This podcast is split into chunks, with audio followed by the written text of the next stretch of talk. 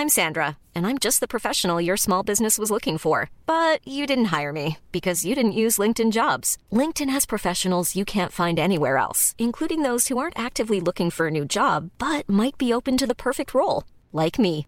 In a given month, over 70% of LinkedIn users don't visit other leading job sites. So if you're not looking on LinkedIn, you'll miss out on great candidates like Sandra. Start hiring professionals like a professional. Post your free job on linkedin.com/people today. There's never been a faster or easier way to start your weight loss journey than with PlushCare. PlushCare accepts most insurance plans and gives you online access to board-certified physicians who can prescribe FDA-approved weight loss medications like Wigovi and Zepbound for those who qualify. Take charge of your health and speak with a board-certified physician about a weight loss plan that's right for you. Get started today at plushcare.com slash weight loss. That's plushcare.com slash weight loss. plushcare.com slash weight loss. Vi har ett samarbete med TCO som är tjänstemännens centralorganisation. Den svenska föräldraförsäkringen fyller ju 50 år nu och de har gjort en dokumentärfilm som Emma Molin är programledare för. Och jag slås av hur viktigt det är att börja prata om föräldradagar och ekonomi och framförallt som kvinna. Gud ja. TCO vill ju att det ska bli mer jämställt, alltså fördelningen i föräldrapenningsuttaget. Och det har gått framåt. Men sen 2018 så står det nästan helt still. Vi som kvinnor, våra inkomster minskar ju när vi blir föräldrar. Och i snitt så går vi miste om 50 000 spänn per år. Det blir utebliven löneutveckling när man är borta. Åh, jag blir så ledsen. För grejen är att männen då, eller papporna, de missar ju också tid med sina barn. Ja. Mitt första barn, då var vi hemma båda två från start. Och så insåg jag efter tre månader att så här, nej, men det här kommer inte funka. Nej. Så jag gick tillbaka och jobbade lite deltid och sen så delade vi 50-50. Nu har ju de en otroligt fin relation. Och när jag fick andra barnet då med en ny man, då tog jag första sex månaderna och sen tog han sex månader. Och sen så skarvade vi över sommaren. Och tredje barnet så tog jag tio dagar. Ja. Så gick det för mig. Nej, men tio dagar och sen så var jag hemma torsdag, fredag som jag tog ut föräldrapenning. Vi har det ju så bra som har en föräldraförsäkring i Sverige. Ja. Nyttja den. Verkligen. Tack TCO, Tjänstemännens centralorganisation. Vill du läsa mer så går du in på tco.se slash fira föräldraförsäkringen. Gud vad vi ska fira den. Verkligen, med pompa och ståt. Pompa. Är vi sponsrade av 7up i det här avsnittet? Ja, det vi ju. Du skämtar! Nej, men vi är jätteglada att 7up är med oss och vi pratar om 7up Zero Sugar. Det är den vi ska snacka om. Ja, det är den jag alltid kör också. Ja. Varför dricka socker när man kan undvika? Nej, men jag fattar ingenting. Nej. Om jag skulle gissa på smaken, alltså skulle du gissa att det är citron och lime? Ja, men det är ju det som är 7up. Ja, men jag vet, men jag tycker liksom att den är som en egen... Ja, jag förstår vad du menar. För du kanske tänker mer så här, eftersom den oftast är genomskinlig då, att man tänker att det ska vara som sockerdricka. Ja, Som Pippi fick ur sitt träd typ. 7up Zero Sugar för mig är en egen smak. typ. Ja. Men absolut, om de vill kalla det citron och lime så kan de väl få göra det. Nej, men det finns någonting som är liksom pigga upp som gör det fräscht också än bara från en liksom vanlig sockerdricka. Just att man får den där eh, lilla limen som liksom trycker till. Verkligen. Jag vet inte om du har koll på det här, men den funkar att matcha till mat. tycker jag är jättekul. Ja. Alltså Tänk dig en fräsch sommarsallad med lite chèvre, lite rädisor. Alltså Du får det peppriga, du får det här... Fettig från chèvren. Ja. Den är saltig, den är liksom Ja. lite fetare i konsistensen, Exakt. krämig. Ja, och Jag tror att pepprigt skulle passa bra. Även rucola tror jag Ja. skulle vara jättegott. Rucola till 7up. Mm. Absolut. För då också när du dricker 7up Zero Sugar på massa is Mm. så får du ju någonting som liksom balanserar upp då det peppriga och den här uh, salta feta härliga chèvren. Sen kan du också ha lite honung på den salladen också så här, för att balansera sötman i drycken tycker jag. Nej, men det börjar bli varmare. Alltså, jag vill bara ha en god törstsläckare. För mig är det 7up Zero Sugar. Alltså, varför har ni inte budat hem 40 stycken burkar till mig? Jag undrar samma. Ska vi säga tack ens en gång? Jo, Vi gör det ändå, men också en liten uppmaning. verkligen. Ni har min adress. Tack 7up Zero Sugar. Och gud, nu är jag så törstig. Det här är Tabberaset, en podd med mig, Frida Lund, och med Klara Doktorow. I det här avsnittet skäms Frida över att sitta ensam i en bar. Jag har begått ett brott och det blir tydligt att AI kanske inte är någon större säkerhetsrisk. Inte än i alla fall. Vi pratar om öppna och stängda känslomässiga kister i vänskapsrelationer. Frida ger sina tankar om att våga öppna upp sig om allt på botten av kistan. Det som verkligen känns och gör ont. Finns det en konkret modell för hur det skulle gå till? Såklart. Och när hon är klar är min kista vidöppen. Välkomna.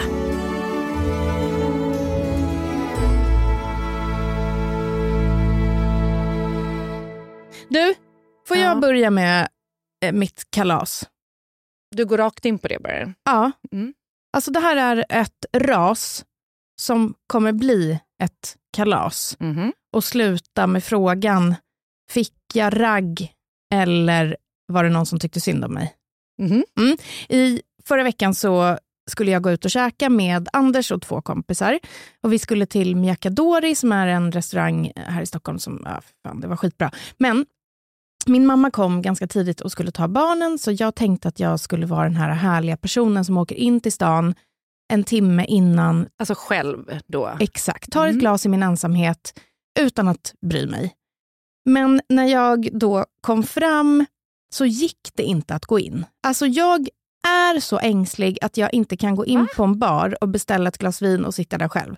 För då var min panik, om jag går in på en annan bar än där vi ska äta, så kommer ingen hinna komma och då kommer folk titta på mig och tänka att jag är själv. Men va? Det här är det sjukaste jag har hört. Alltså, du har den stressen. För det är inte som att du, det här var ju en fredag.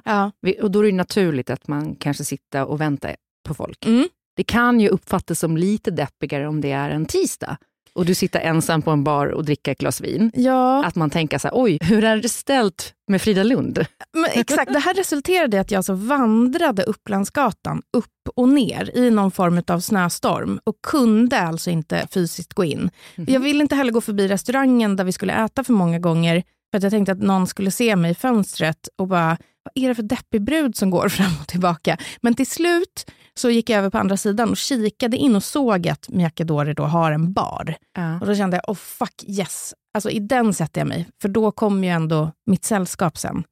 Men det här, förlåt, men när, när du berättar om då att åka in före och ta ett glas själv, Mm. man bara sitter där med sin telefon eller vad man, fan, vad, vad man nu gör. Mm. Det är det bästa jag vet. Nej, men jag, Det, det bästa jag vet är typ att gå själv till en bar och Ja. bara snacka upp lite folk. Min kompis Martina är likadan. Alltså, hon har under hela, liksom, sen vi blev 18, alltid bara så här, försv- du vet, man bara, vi ses vid sex Ja. och sen mässar man, ska vi åka tillsammans? Hon bara, nej, nej, nej, alltså, jag är redan där. Så hon, sitter hon typ med ett korsord och ett glas vin. Så mysigt. Ja, och jag romantiserade det. Men skitsamma. Jag gick i alla fall, det här var då raset. Det var jobbigt, det var kallt, jag kände mig ängslig. Kommer in och eh, sätter mig i baren. Blir bjuden på ett glas champagne av bartendern. Jaha, Alltså lite trevligt. verkligen. Han var också väldigt snygg. Ja. Ehm, så då blev jag glad. Och sen lite senare när vi hade käkat och gjort allting så um, vad heter det, har jag tappat bort min halsduk. Eller jag hittar inte den. Så jag går upp till baren igen och letar. Och då frågar han vad jag letar efter. Så jag, men jag hade någon sån här liksom balaklava på huvudet. Han bara, nej nej, när du kom in så hade du helt utsläppt hår. Oj! Ja, alltså nu vart jag jätteglad för jag hade haft en underbar middag. Jag hade vågat gå själv in och sätta mig och ta ett glas. Jag beställde också det dyraste sen Aha. på glasmenyn. Ett eh, amerikanskt Pinot från Oregon för att jag ville bara med all kraft visa att jag är helt bekväm och rik. Eh, Och det är då glaset Pinot från Oregon som ska liksom visa det här, som Ja. ska statuera det här. Exakt, som kanske också var defekt. Så du menar att man är inte deppig om man dricker dyrt? Nej, men jag vet inte, det var så jobbigt för mig hela den här grejen. Mm. Så jag var tvungen att bara läsa vinmenyn lite nonchalant och bara, äh, ta det där Pinot. Alltså du vet, Ja. lite för, att inte någon skulle se igenom. Men så frågan är ju egentligen om han såg igenom min ängslighet, ville vara snäll eller om han faktiskt raggade. Mm, ja. Raggare säger jag. Okej, kul. Tack, det var det jag hade. Och vad betalar du? 250 spänn för ett glas. Ja. Ja. Vi är igång. Ja. Okej, jag har ett kort ras, men det här vill jag att alla som lyssnar verkligen tar till sig. Mm. Och raset är då att som chef boka ett möte utan att agendan är tydlig. Mhm. För man vet inte om man kliver rätt in i ett bakhåll. Jag har varit med om det så många gånger, att det är någon som säger så här, har du fem minuter? Och så visar det sig att det är ett riktigt jävla bakhåll. Men vänta, vad, vad har du jobbat på för arbetsplatser om det Ja, här men har hänt? många olika. Alltså så. Mm. För ibland så tror inte jag att chefer förstår hur det uppfattas för den anställde. Men jag hade en kompis nu precis som var med om det här. Om någon säger har du fem minuter så är det ju oftast något allvarligt, men inte alltid. Mm. Som chef måste man tänka på det här och så skriver man i sådana fall ett mejl. Nu författar jag det åt er, alla chefer där ute, Ah, gud vad bra. som är Hej Klara! Skulle vi kunna ta ett möte idag och prata om XXX? Jag skulle gärna vilja höra hur du upplevde det och hur vi kan förbättra processen slash kommunikationen slash bla bla bla. Fundera lite gärna före mötet och sen så tar vi det i konferensrummet Apelsinen klockan 10. Mm. Förstår du? Ja, jag fattar För verkligen. då vet man ju så här, okej, men det är den här grejen vi behöver prata om Mm. och då har man förberett sig och man går in eh, och har tänkt till lite själv så Ja. man blir inte tagen på sängen. Nej. För det är den värsta känslan man kan ha som medarbetare, när man känner att så här, oj, var kom det här ifrån? Mm. Ja, det är mitt ras. Ja. Kalas. Jag har haft så jävla lite att glädjas över på sistone. Man är ju färgad av the never ending, det vi inte nämner vid namn, Mm. men VAB. Ja. Ja. Och vad behöver man då? Jo, grejer att se fram emot. Mhm. Och nu har jag det. Jaha. Ja, jag ska dra dem, Okej. så får du höra. På sportlovet mular vi in barnen i elbilen. Vi kommer att stå och svära vid laddstationen i Mora för att all text i deras app som man måste ha är på norska. Mm. Helt sjukt att man måste ha olika appar för varje laddställe, men jag kommer inte gå in på det mer. Vi kommer att ta oss hela vägen till Stöten och där har vi bokat min kompis fantastiska fjällstuga och vi har fått kompispris. En stuga som vi alltså absolut inte skulle ha råd med till Ja. fullpris. Wow. Och där kommer vi åka skidor, laga god mat, grilla på luncherna Åh, gud. och bara ha det toppen. Mm. Sen då klippar vi fram till maj Mm. och då har vi en Italienresa bokad. Du och jag! Din första Italien. Oh my god. Jag ska spräckas från eh, alltså, Norr norr, till till söder. ja, och jag är så glad att jag får vara med på den här. Och Mm. ja, visst, det är en jobbresa, men ändå. Mm. Vi ska till Capri. Nej, men alltså det, det, det, det, det är för mig... Alltså vet du, att jag, innan barn så reste jag och Anders kanske tre, fyra gånger om året. Ja. Vi var ändå ihop typ tio år innan vi fick barn. Vi har alltid rest så mycket. Och nu är resgrejen helt död för mig. När var du utanför landet senast som inte är Köpenhamn? 2017. 2017 alltså. Det är på grund av att jag inte vill flyga för miljön, såklart. Ja. Alltså, verkligen. Men eh, inte. Det har gått så långt så att nu är det som, du vet, när man inte har knullat på länge. ja, guldmunk. Det är helt okej för mig. Men med den här resan så har ju någonting tänts. Ja, det är ju jobbigt när det gör det, för att så här, mycket ska ha mer, så kan det bli. Men vi kommer klunka limoncello sprits, vi kommer att ta salte nakendopp och vi kommer att äta sanslöst god citruspasta på Capri! Jag har inte heller varit där, så det ska bli jävligt roligt. Runka till det, banana. Ja. Men sen klipp fram några dagar till. Mhm. Och då är det Frida Lunds 40-årsfest. Men gud, längtar du till den? Det gör jag verkligen. Tack. Den är oglömd redan. Det Mm. finns inget jag oglömmer mer. Jag kommer att stå på den här festen och jag kommer att gå hem sist. Tack. Fastän jag ska ta igen vinkällan-dagen som jag missar när vi är på Capri Mm. dagen efter. Oh. Jag och Elina. Ja, ni, ni kommer direkt. Det kommer vara så att när man också ska provsmaka viner så kommer det vara ja, möjligen så att man kräks lite ner i spottkoppen. Så kommer det vara. Så kommer det vara. Det är också så här mat och vin, parning, mat och vin eh, den dagen. Vilket man vet också att då kommer man få smaka sånt som verkligen inte passar med den typen av vin. Mm. Trippel elvanse den dagen. Men sen det absolut sjukaste då. Kjell har hittat ett domän i södra Frankrike, nära Marseille. Och det här är alltså en hel domän. Jag vet inte hur man uttalar det riktigt. Men det är en vingård. En egen domän. Vi har till och med en egen jävla kyrka på vårt domän. Det här är så sjukt. Han han bokade det, för de var ganska nya på Airbnb och la ut det. Vi hade liksom kollat det området. Bara så här, för vi har kört Italien två år i rad och nu tänker vi Frankrike. Och så kom det upp och vi bokade direkt. Mm. När bokningen gått igenom så går jag in och ser att de har liksom tokhöjt priserna till det dubbla. Nej. För de inser att de har gått ut för billigt. Oh, Men den här Ja. bokningen är redan gjord och vi har haft kontakt och det verkar som att vi är välkomna. Mm. Och då har vi då tänkt att jag och då My, som är projektledare för den här podden, kommer ha bilen ner i förväg och göra en produktionsresa på vägen. Mm. Två kvinnor i en elbil genom Rheingau, Alsace, Bourgogne, Beaujolais, Rhône, Provence och slutstation Languedoc. Och där tänker vi att våra män med barn möter oss. Antingen om de kör ner eller vad de gör. Tack! Ja, du går nu. Jag drar det här skiten. Fy fan vad avundsjuk jag Jag blir. Alltså vet. jag, jag, fy fan. Jag vill bevisa för världen att det går att elbilen ner i Europa på många sätt Åh. kanske enklare än i Sverige för att jag har researchat det här länge och förut. Det jag också tänker är att My är ju också fotograf och har liksom drönare och skit. Så eh, jag hoppas nu att hon är med på det här tåget för vi kommer att göra så mycket fina grejer och jag hoppas att vi kanske kan sälja in det här som något slags resereportage. Gud Ja. vad kul. Ett kalas. Jag har Grattis. så mycket att se fram emot. Ja, verkligen. Vi var ju i Göteborg och satt på NTRX-tåget hem. Den här dagen var det ju totalt kaos i Tåg-Sverige. Brorsan skrev att han också satt på ett tåg. När jag skrev att jag satt på NTRX så svarade han, jaha, lyxtåg alltså. Mhm. Det jag inte visste då var att brorsan satt på tåget framför oss. Samma tåg som bidrog till att vi blev tre fucking timmar försenade. Mm. Det hade trasiga bromsar, det hade växelfel, det var signalfel, all skit. All skit var det. Jag och brorsan har sms-kontakt under hela den här resan och det är ändå rätt mysigt att man delar ihop. Och han inser ganska snabbt att han kommer missa sin Connect flight till Visby och en 40-årsfest han sett fram emot. Nej. Och frågar då om han får komma hem till mig och slagga. I allt tråkigt med att han missar 40-årsfesten så får ändå han och jag en underbar kväll ihop med pizza och långa samtal.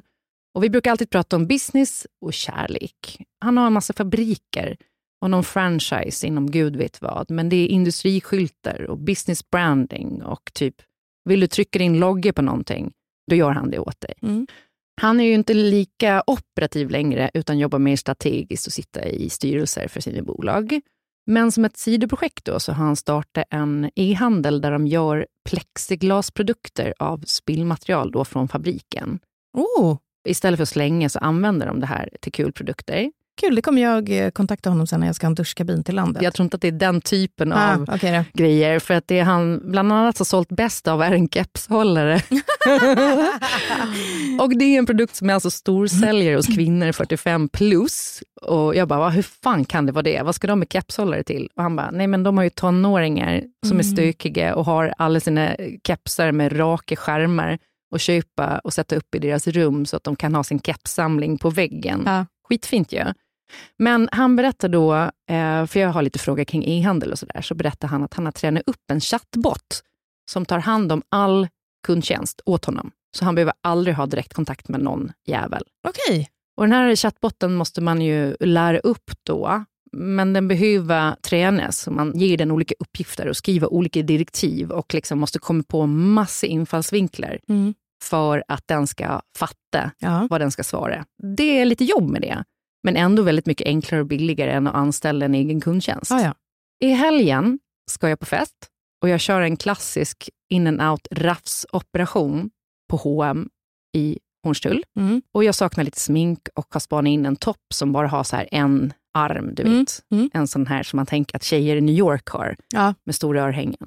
Och Jag ska ha den här till mina sidenbyxor från Malene Birger på kvällen med ett bälte och det känns härligt. När jag kommer hem så inser jag att jag har råkat få med mig ett läppstift som jag inte har skannat i självskanningen. Mm. Du har baxat? Jag har baxat och tänker då, vad fan gör jag? Jag måste höra av mig till dem och fråga vad jag ska göra. Hur gör jag nu? Vadå hör du av mig till dem? Alltså till H&M? Till H&M ja. Vadå? Ja, men det känns inte bra. Det känns inte bra att... Nej, men det känns inte bra. Men Nej, men jag är en vuxen människa. Ja. Jag har råkat snott ett läppstift som ändå kostar typ så här, jag- det kanske kostar 150 spänn. mm. Jag vill göra rätt för mig. Okej. Och Det enda jag kan göra då är att chatta med H&M's chattbot. Så nu ska du få ett utdrag här. Hej jag är H&M Chatbot. Jag hjälper dig gärna. Sammanfatta gärna din fråga i en kort mening. Ja, här läste jag kanske lite fel. Du vet, man bara Mm. skriver. Och jag svarar. Hejsan, jag handlar lite grejer på H&M i Hornstull Och när jag skulle slänga kvittot nu såg jag att jag glömt självskanna ett läppstift. Jag mår fasligt dåligt över detta. Hur gör jag nu? Rätt ska vara rätt. Chattbotten svarar. Jag är inte säker på att jag förstår. Kan du sammanfatta din fråga i en kort mening? Jag har snattat av misstag. Vad gör jag nu? Jag är inte säker på att jag hänger med. Skulle du kunna upprepa frågan på ett annat sätt? Jag har stulit av er. Chattbotten svarar. Letar du efter? När blir jag ersatt för min retur? Nej, det här är precis tvärtom. Jag ser till att du får chatta med min kollega. Så här vill jag bara säga, öppet brev till H&M. Ni måste träna upp er fucking chatbot, eller förlåt, kollega. Ja, just det. Alltså chatta med min kollega.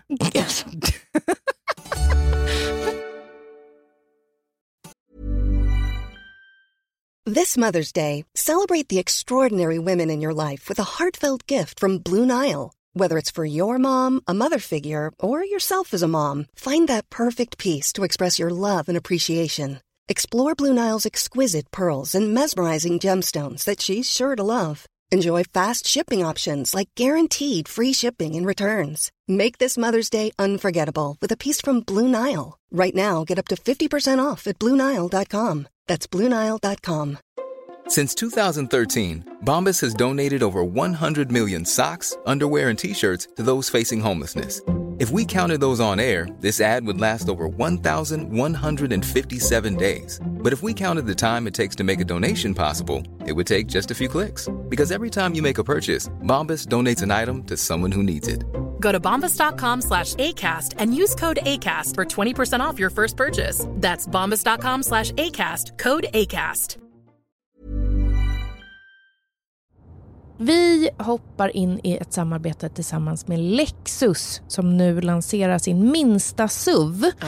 Det är lite roligt med den för den säljs i fyra olika atmosfärer för att passa olika personligheter. Väldigt roligt. Ja men eller hur. Och bilen heter Lexus LBX.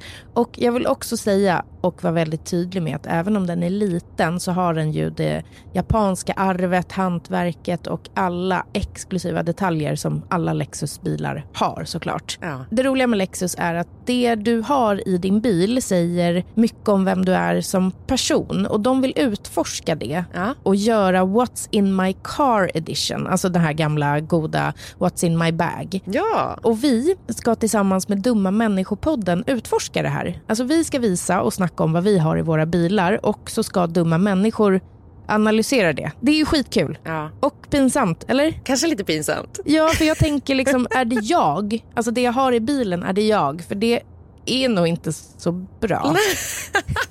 Jag kan liksom känna lite samma sak, men jag tror också att folk kommer att bli chockade över vad jag har i min bil sett till hur jag kanske framställer mig i övrigt som människa.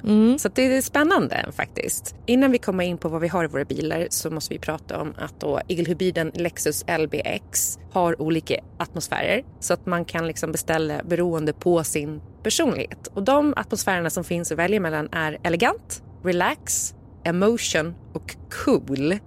Vilken tänker du spontant passar dig bäst? Jag vill vara en cool, Ja. men jag tror att om jag ska köra bil så bör jag vara en relax. Ja. Jag är beredd att hålla med med tanke på att jag har sett och hört din road rage.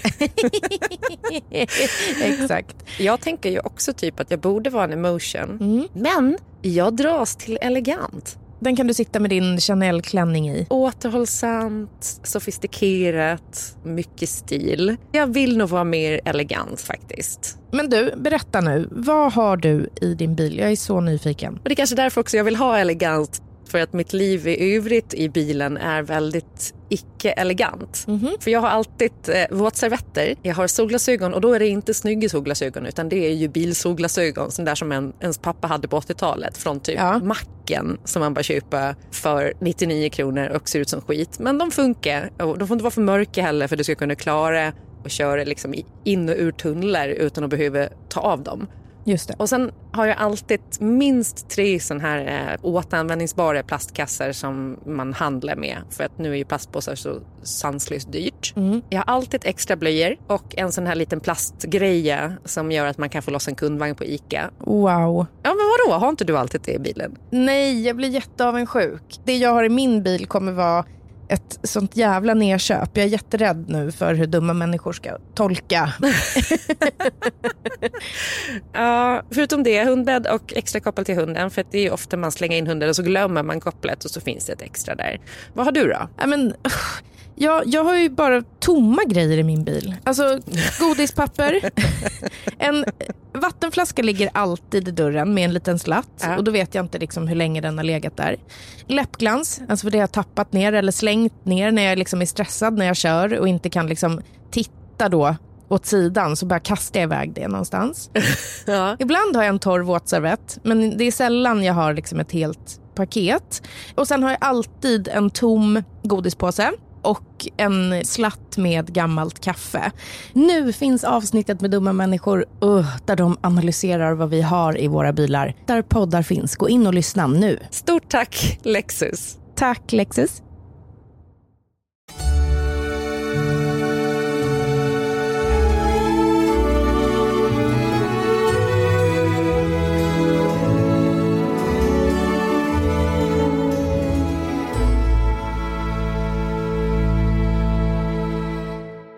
För ett tag sen så var jag och en kompis på Sofia Wood och Elsa Billgrens livepodd. Jag tror att det var i höstas någon gång. Och hon kanske inte är liksom målgrupp direkt för deras podd. Hon är inte så inredningsintresserad och hon hade aldrig hört podden när vi gick dit. Så hon gick dit med ett öppet hjärta helt enkelt. Och hon känner inte heller Elsa och Sofia. Men efter podden var klar så promenerade vi därifrån och då sa hon, alla borde ha en podd.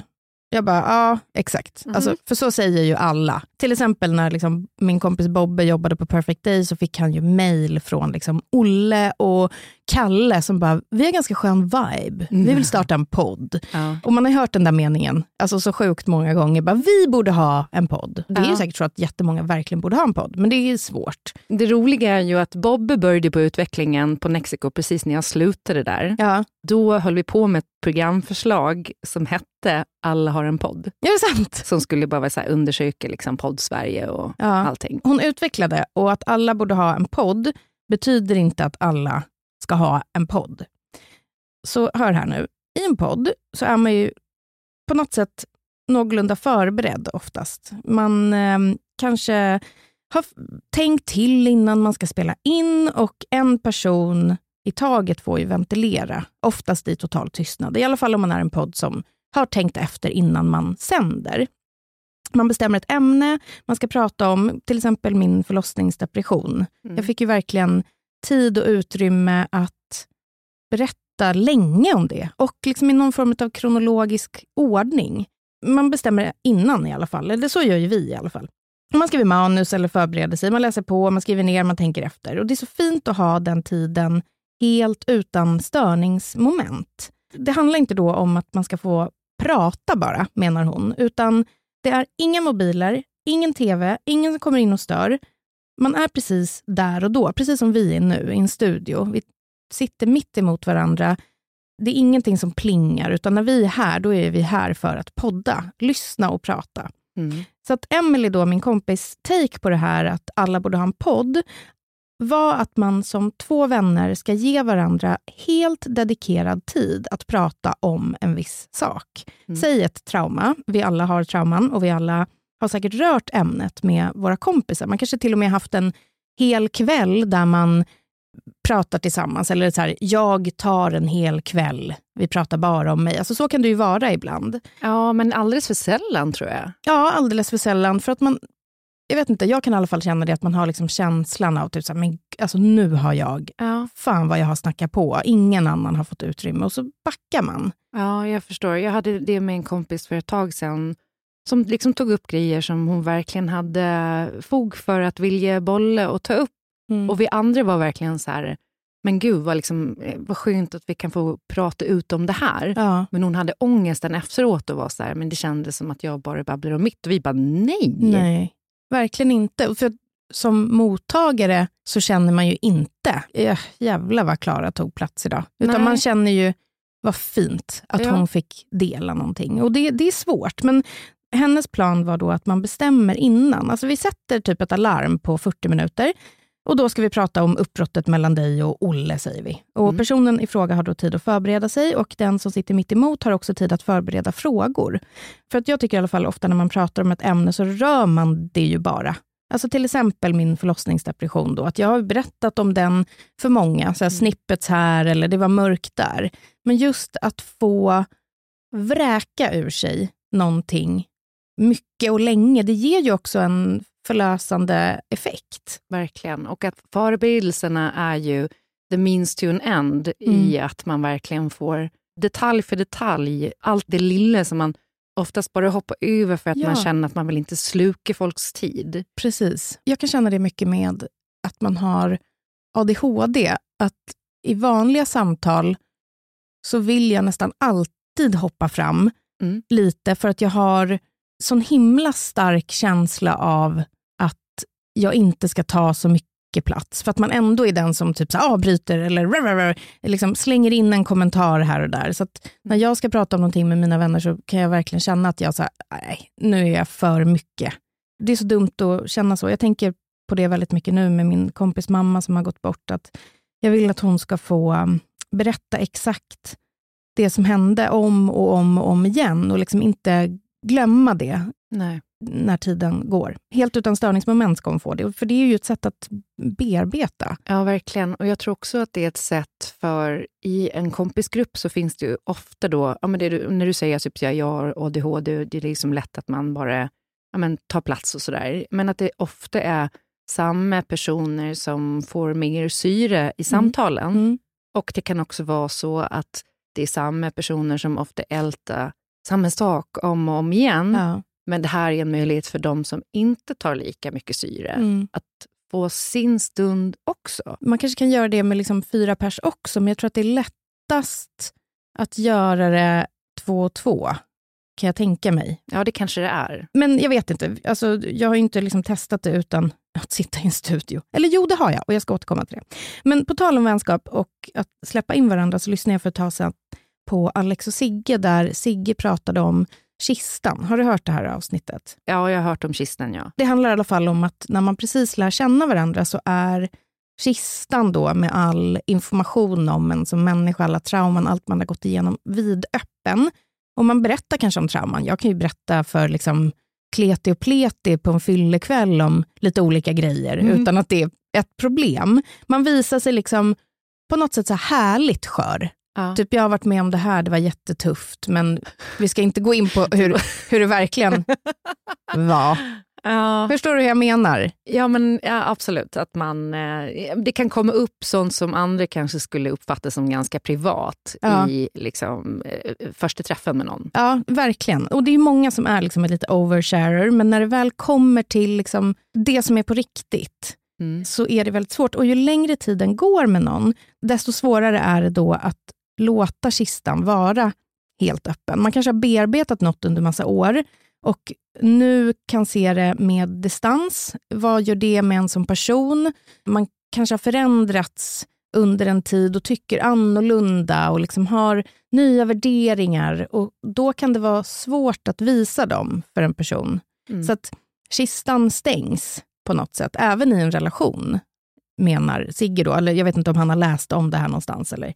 Framför allt är det väl att man ska våga säga det som ligger inuti en utan skam. Mm.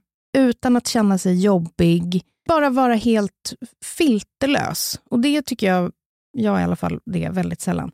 Nu har jag kollat på Lerin på Lofoten. Har du sett det här programmet? Nej. Nej, men varför skrattar du? Det är så sjukt att det är liksom det som fångar ditt intresse. Vadå? Lerin på Lofoten. Att det är så här, alltså man kan inte få dig att se liksom någonting som jag tycker väl kanske är spännande. Men det sjunker in i och bara ja. Ja, men det är ju det här med trauman och ja. att våga öppna sig. Jag, jag, jag dras till det hela tiden och det är säkert för att jag är på den här jag hatar ordet resa. Vad fan ska man säga istället? En inre resa får du inte säga. Nej, ja, Nej. det får du väl göra. Det är väl det det är. Ja, men det, det är någonting i mig som håller på att hända efter jag har gått länge hos en psykolog. Och Jag är nyfiken på ämnet och jag är nyfiken på att låta min kista öppnas lite grann. Det är väl egentligen det. Men Lerin på Lofoten är ett gäng gamla narkomaner och alkisar som ska liksom bearbeta och jag vet inte, måla. Jaha, vänta här nu. Var det därför min kompis Marlin sa att hon tyckte vi skulle boka nästa resa till Lofoten och måla akvarell? Eh, ja, 100 procent. Det är det här? Ja, Ja, det är men 100%. då hänger jag med. För det var en väldigt så här, har vi blivit PRO? Eller vad är det? Åh, mys. Men alltså Lofo- dröm, drömresmål, eh, på tal om resor. De ska ju växa som människor Mm. av att eh, ha sin kista öppen och sen måla. Och det finns en tjej där, Ebonita. Hon är helt makalös. Hon blev såld som liten flicka under flera år och har varit med om saker som barn aldrig, aldrig någonsin ska behöva. Hon blir utnyttjad och säger ingenting. Hon säger speciellt ingenting till sin mamma för att hon är rädd att göra mamman ledsen. Mm. Till slut då så kommer det här fram av hennes storebror som under en liten liksom glimt i livet har kistan öppen. Jag var hemma, låg på vardagsrumsgolvet och tittade på en film. Och i den här filmen så är det en flicka som blir sexuellt utnyttjad av sin pappa, tror jag det var. Och så bröt min storebror ihop. Och min syster frågade vad har hänt? Och det var då han berättade att han hade sett den här mannen göra så här mot mig. Är så jävla fruktansvärt. Han vågar.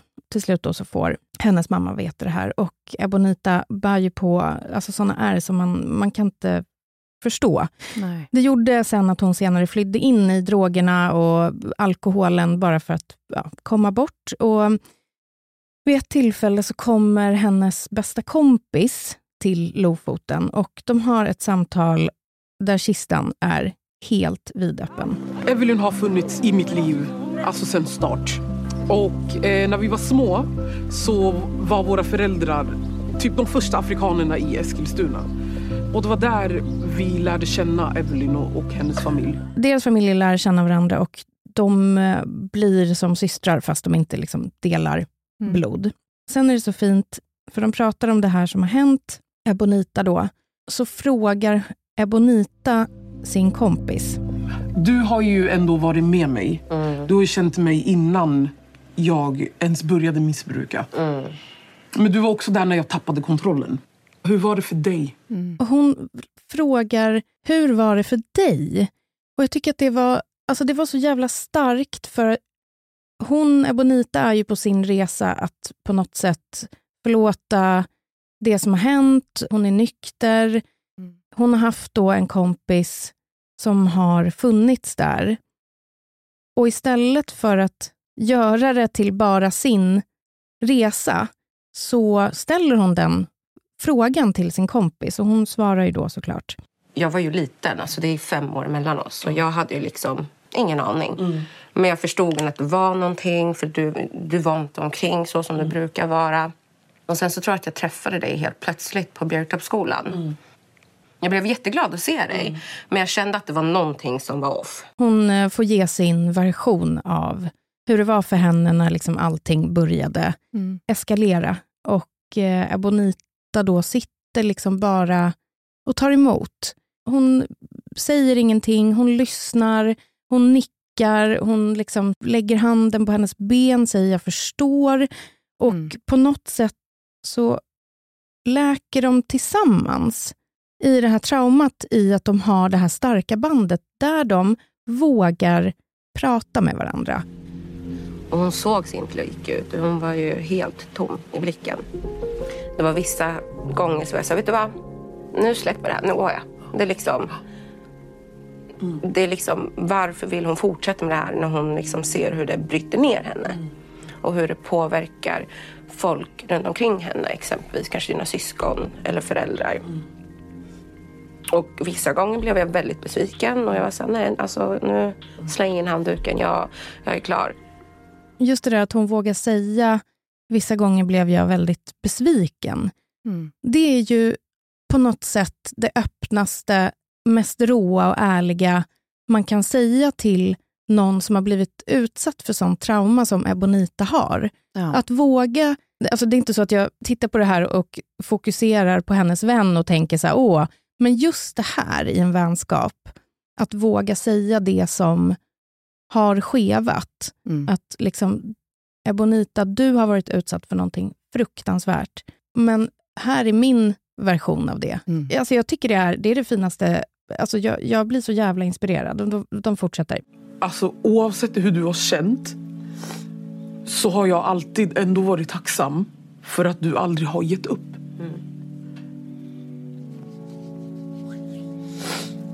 Du har inte gett upp på mig och jag tror att det var det som, som ändå fick mig att vilja kämpa lite till.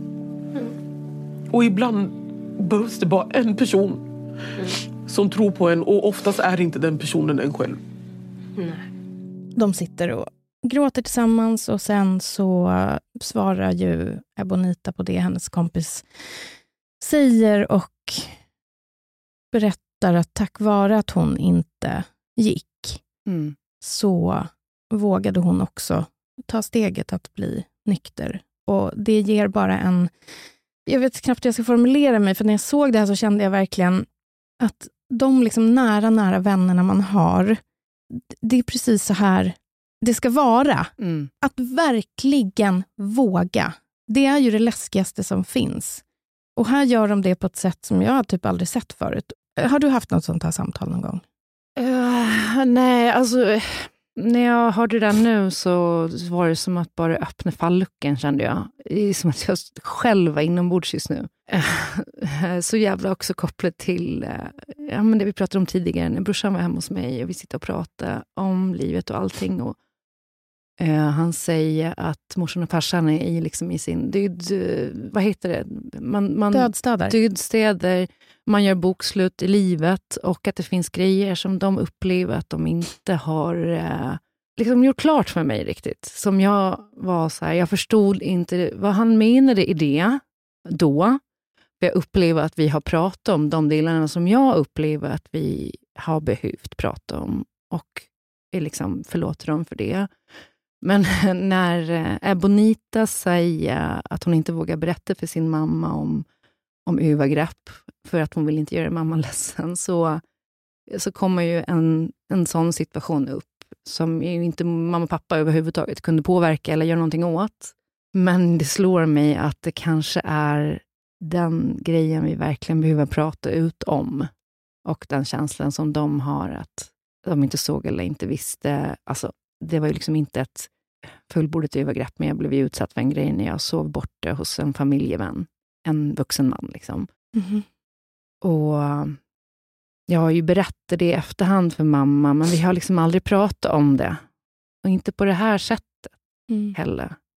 Usch, jag fick... Ah, det är så jävla... Jag skakar liksom. Eh, för att det slog mig nu att det kanske var det brorsan syftade på. Och Fy fan vad hemskt att du har behövt vara med om det. det finns egentligen inte så mycket att säga, men jag kan tänka mig att, de inte, att vi inte har rört det tillräckligt mycket. Mm. Att de sa då, för de kom och hämtade mig på natten, för jag var i upplysningstillstånd och jag kunde alltid sova borta annars. Det var aldrig något problem, men den här gången så får de komma och hämta mig på kvällen. Vill du, alltså, kan, vill du...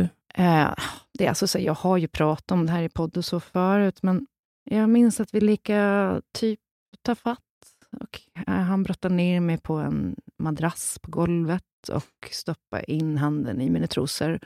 Och jag försökte komma på i vilken ålder jag var, men i efterhand när jag räknar bakåt så inser jag att jag kanske var tio, nio, tio. Jag måste ha varit nio, för när jag var tio flyttade vi till lägenheten och här bodde vi fortfarande i huset. För jag kommer ihåg när vi kom hem och eh, att jag där, någonting i min kropp är bara så här, du kan inte sova kvar här. Och han sitter liksom på sängkanten och försöker trösta mig. Mm. Och jag bara så säger, jag gråter, gråter, gråter. Och till slut så ringer jag mamman, mina föräldrar som kommer. Jag säger ingenting till någon, Nej. för att jag är livrädd och vill inte att någon ska bli ledsen. Och du vet, man förstår knappt vad som har hänt. Det är väl kanske den typen av samtal jag skulle behöva ha med min mamma. Mm. Och de kanske känner i efterhand skuld över att de inte var så men varför blev du så ledsen? Eller vad det nu kan Ja. vara. Jag vet inte om vi ens pratar om det där och då eller efter, men Vi behöver ha, alla ha en poddsessionen, jag och morsan. Mm, verkligen. Jag har typ varit med om det en gång, tror jag, i mitt liv, vad jag kan komma ihåg i alla fall. Och det skedde efter jag hade sett det här avsnittet av Lerin. Min eh, kompis då, hon som eh, kom på konceptet alla borde ha en podd, mm. fast inte ha en podd. en annan kompis till oss genomgick en skitjobbig grej med sin son för ett tag sedan, vilket skakade liksom hela vår vänskapskrets på något sätt. Mm. Allt är bra. Men det var några veckor där man bara kände hur skört livet är. Och eh, Det här var mitt under glömde-eran. Men vi var tvungna att ses. Och den kvällen blev liksom en av de mest givande jag haft i hela mitt liv. Och Jag vet inte om det berodde på att vi var så sköra, liksom hjärtat satt på utsidan, vi var oroliga mm. i kroppen, men våra kister var helt vidöppna. Och vi pratade så jävla fritt. Vi var nere på alltså detaljnivå i saker vi aldrig har berört. Och till exempel så pratade vi om att ta emot hjälp i svåra stunder. Mm. Och Det här var så jävla fantastiskt, för att vi lovade varandra där och då att om vi någon gång ska ta emot hjälp av varandra, till exempel att man säger vill du att jag kommer hem till dig när någonting är jobbigt? Eller vill du att jag sitter på akuten med dig mm. när någonting är jobbigt? Då säger man ju ofta nej, det behöver du inte. Dels för att man kanske känner att man inte vill vara till besvär, men också för att man inte vet hur det kommer kännas när någon kommer. Och då bestämde vi och typ skakade hand att vi ska ta emot hjälp av varandra, men vi ska aldrig behöva känna skuld. Alltså bestämmanderätten ska ligga helt hos mm. mig som får hjälp. Till exempel, vill du att jag kommer?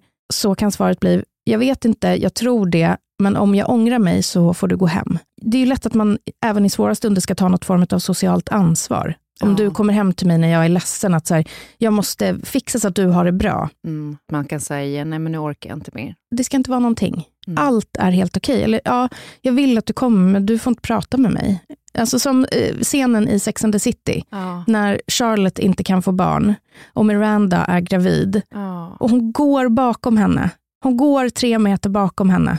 Mm. För att Charlotte orkar inte, men Miranda vill visa att jag är här för dig ändå. Och den här kvällen, det var flera veckor sedan, men jag känner en så fördjupad, grundad, det är någonting som har hänt i vår vänskap. Och det här är ändå en människa jag har känt hur länge som helst. Jag mm. bodde hos henne när min pappa var sjuk. Alltså vi har delat så mycket. Men det här gjorde att vi var helt filterlösa. Och jag skulle verkligen vilja skicka med våra lyssnare att alla de borde ha en podd med en kompis och uppleva en sån här kväll och sen återkomma till oss med mm. hur det gick. Vet du vad det sjukaste av allt här? Nej. Att jag, att jag aldrig har pratat med mina kompisar om det. Nej. Jag har aldrig berättat det för dem. De har fått höra det när jag pratade om det i podd eller när jag gjorde ett fucking samarbete med Rädda Barnen för den här Stopp min kropp-boken. De hör av sig och bara så här, har det här hänt dig? Varför har du aldrig sagt någonting? Varför har vi aldrig pratat om det här? Mm. Jag kan säga det när i podden, här kan kisten vara öppen. Mm. För att det, liksom, det, blir, det är någonting annat men att sitta oh. mitt emot varandra och öppna den kisten så jävla... Alltså ner och gräva i fucking botten. Mm. Det har jag inte kunnat gjort. Nej. För då, precis som du säger, precis som Sigge säger, att ju mer man lär känna människor så stänger man kisten bit för bit. Ja. Det är också ett svek. Att jag sitter här och säger en sån grej. Mm. Att jag sitter på min Instagram och säger en sån grej. Mm. Där det bara är så här, publicera, blunda. Ja. Men inte till de människorna som jag verkligen älskar Nej. och som blir ledsna. Ja, för du är lilla barnet som inte vill göra din mamma ledsen. Fast det är dina kompisar. Men herregud. Klara. Nej, man vill inte. Men, men vad fan, det är ju... Nu, det lilla barnet ska få även ta plats. Man, man vill inte heller bara, åh, sorry guys, nu har jag liksom pajat stämningen här med, med det här lilla övergreppet jag var med om som nioåring. Men, eh, men samtidigt, jo men du förstår, det är jag därför vet. kanske så här, alla har en podd fast inte. Grejen mm. är Tänk att bara få sitta ner och berätta från början till slut exakt. Allt ifrån så här, minnet av den där jävla doften i köket till liksom, ah, ja. Och det var det för idag. Då säger vi... Nu stänger jag kistjäveln. Alltså, nu jag klarar inte mer Nej, nu. nu är den Jag känner att jag är... Jag måste stoppa huvudet i kallt vatten och boka in en dejt med mina vänner. Gör det ni också. Mm. Det blev ju. Gråtpodden är tillbaka. Det är den. Den är tillbaka varje vecka. Tack för att ni har lyssnat. Titta på Lerin på Lofoten. Boka in. Alla har en podd fast inte dejt. ja, Mm. och öppna kistan. Mm. Vi hörs igen på fredag. Då är det tabbetipset. Ja. Då blir det glatt. ja, det hoppas vi i alla fall. Ja. Tack. Tack. Hej.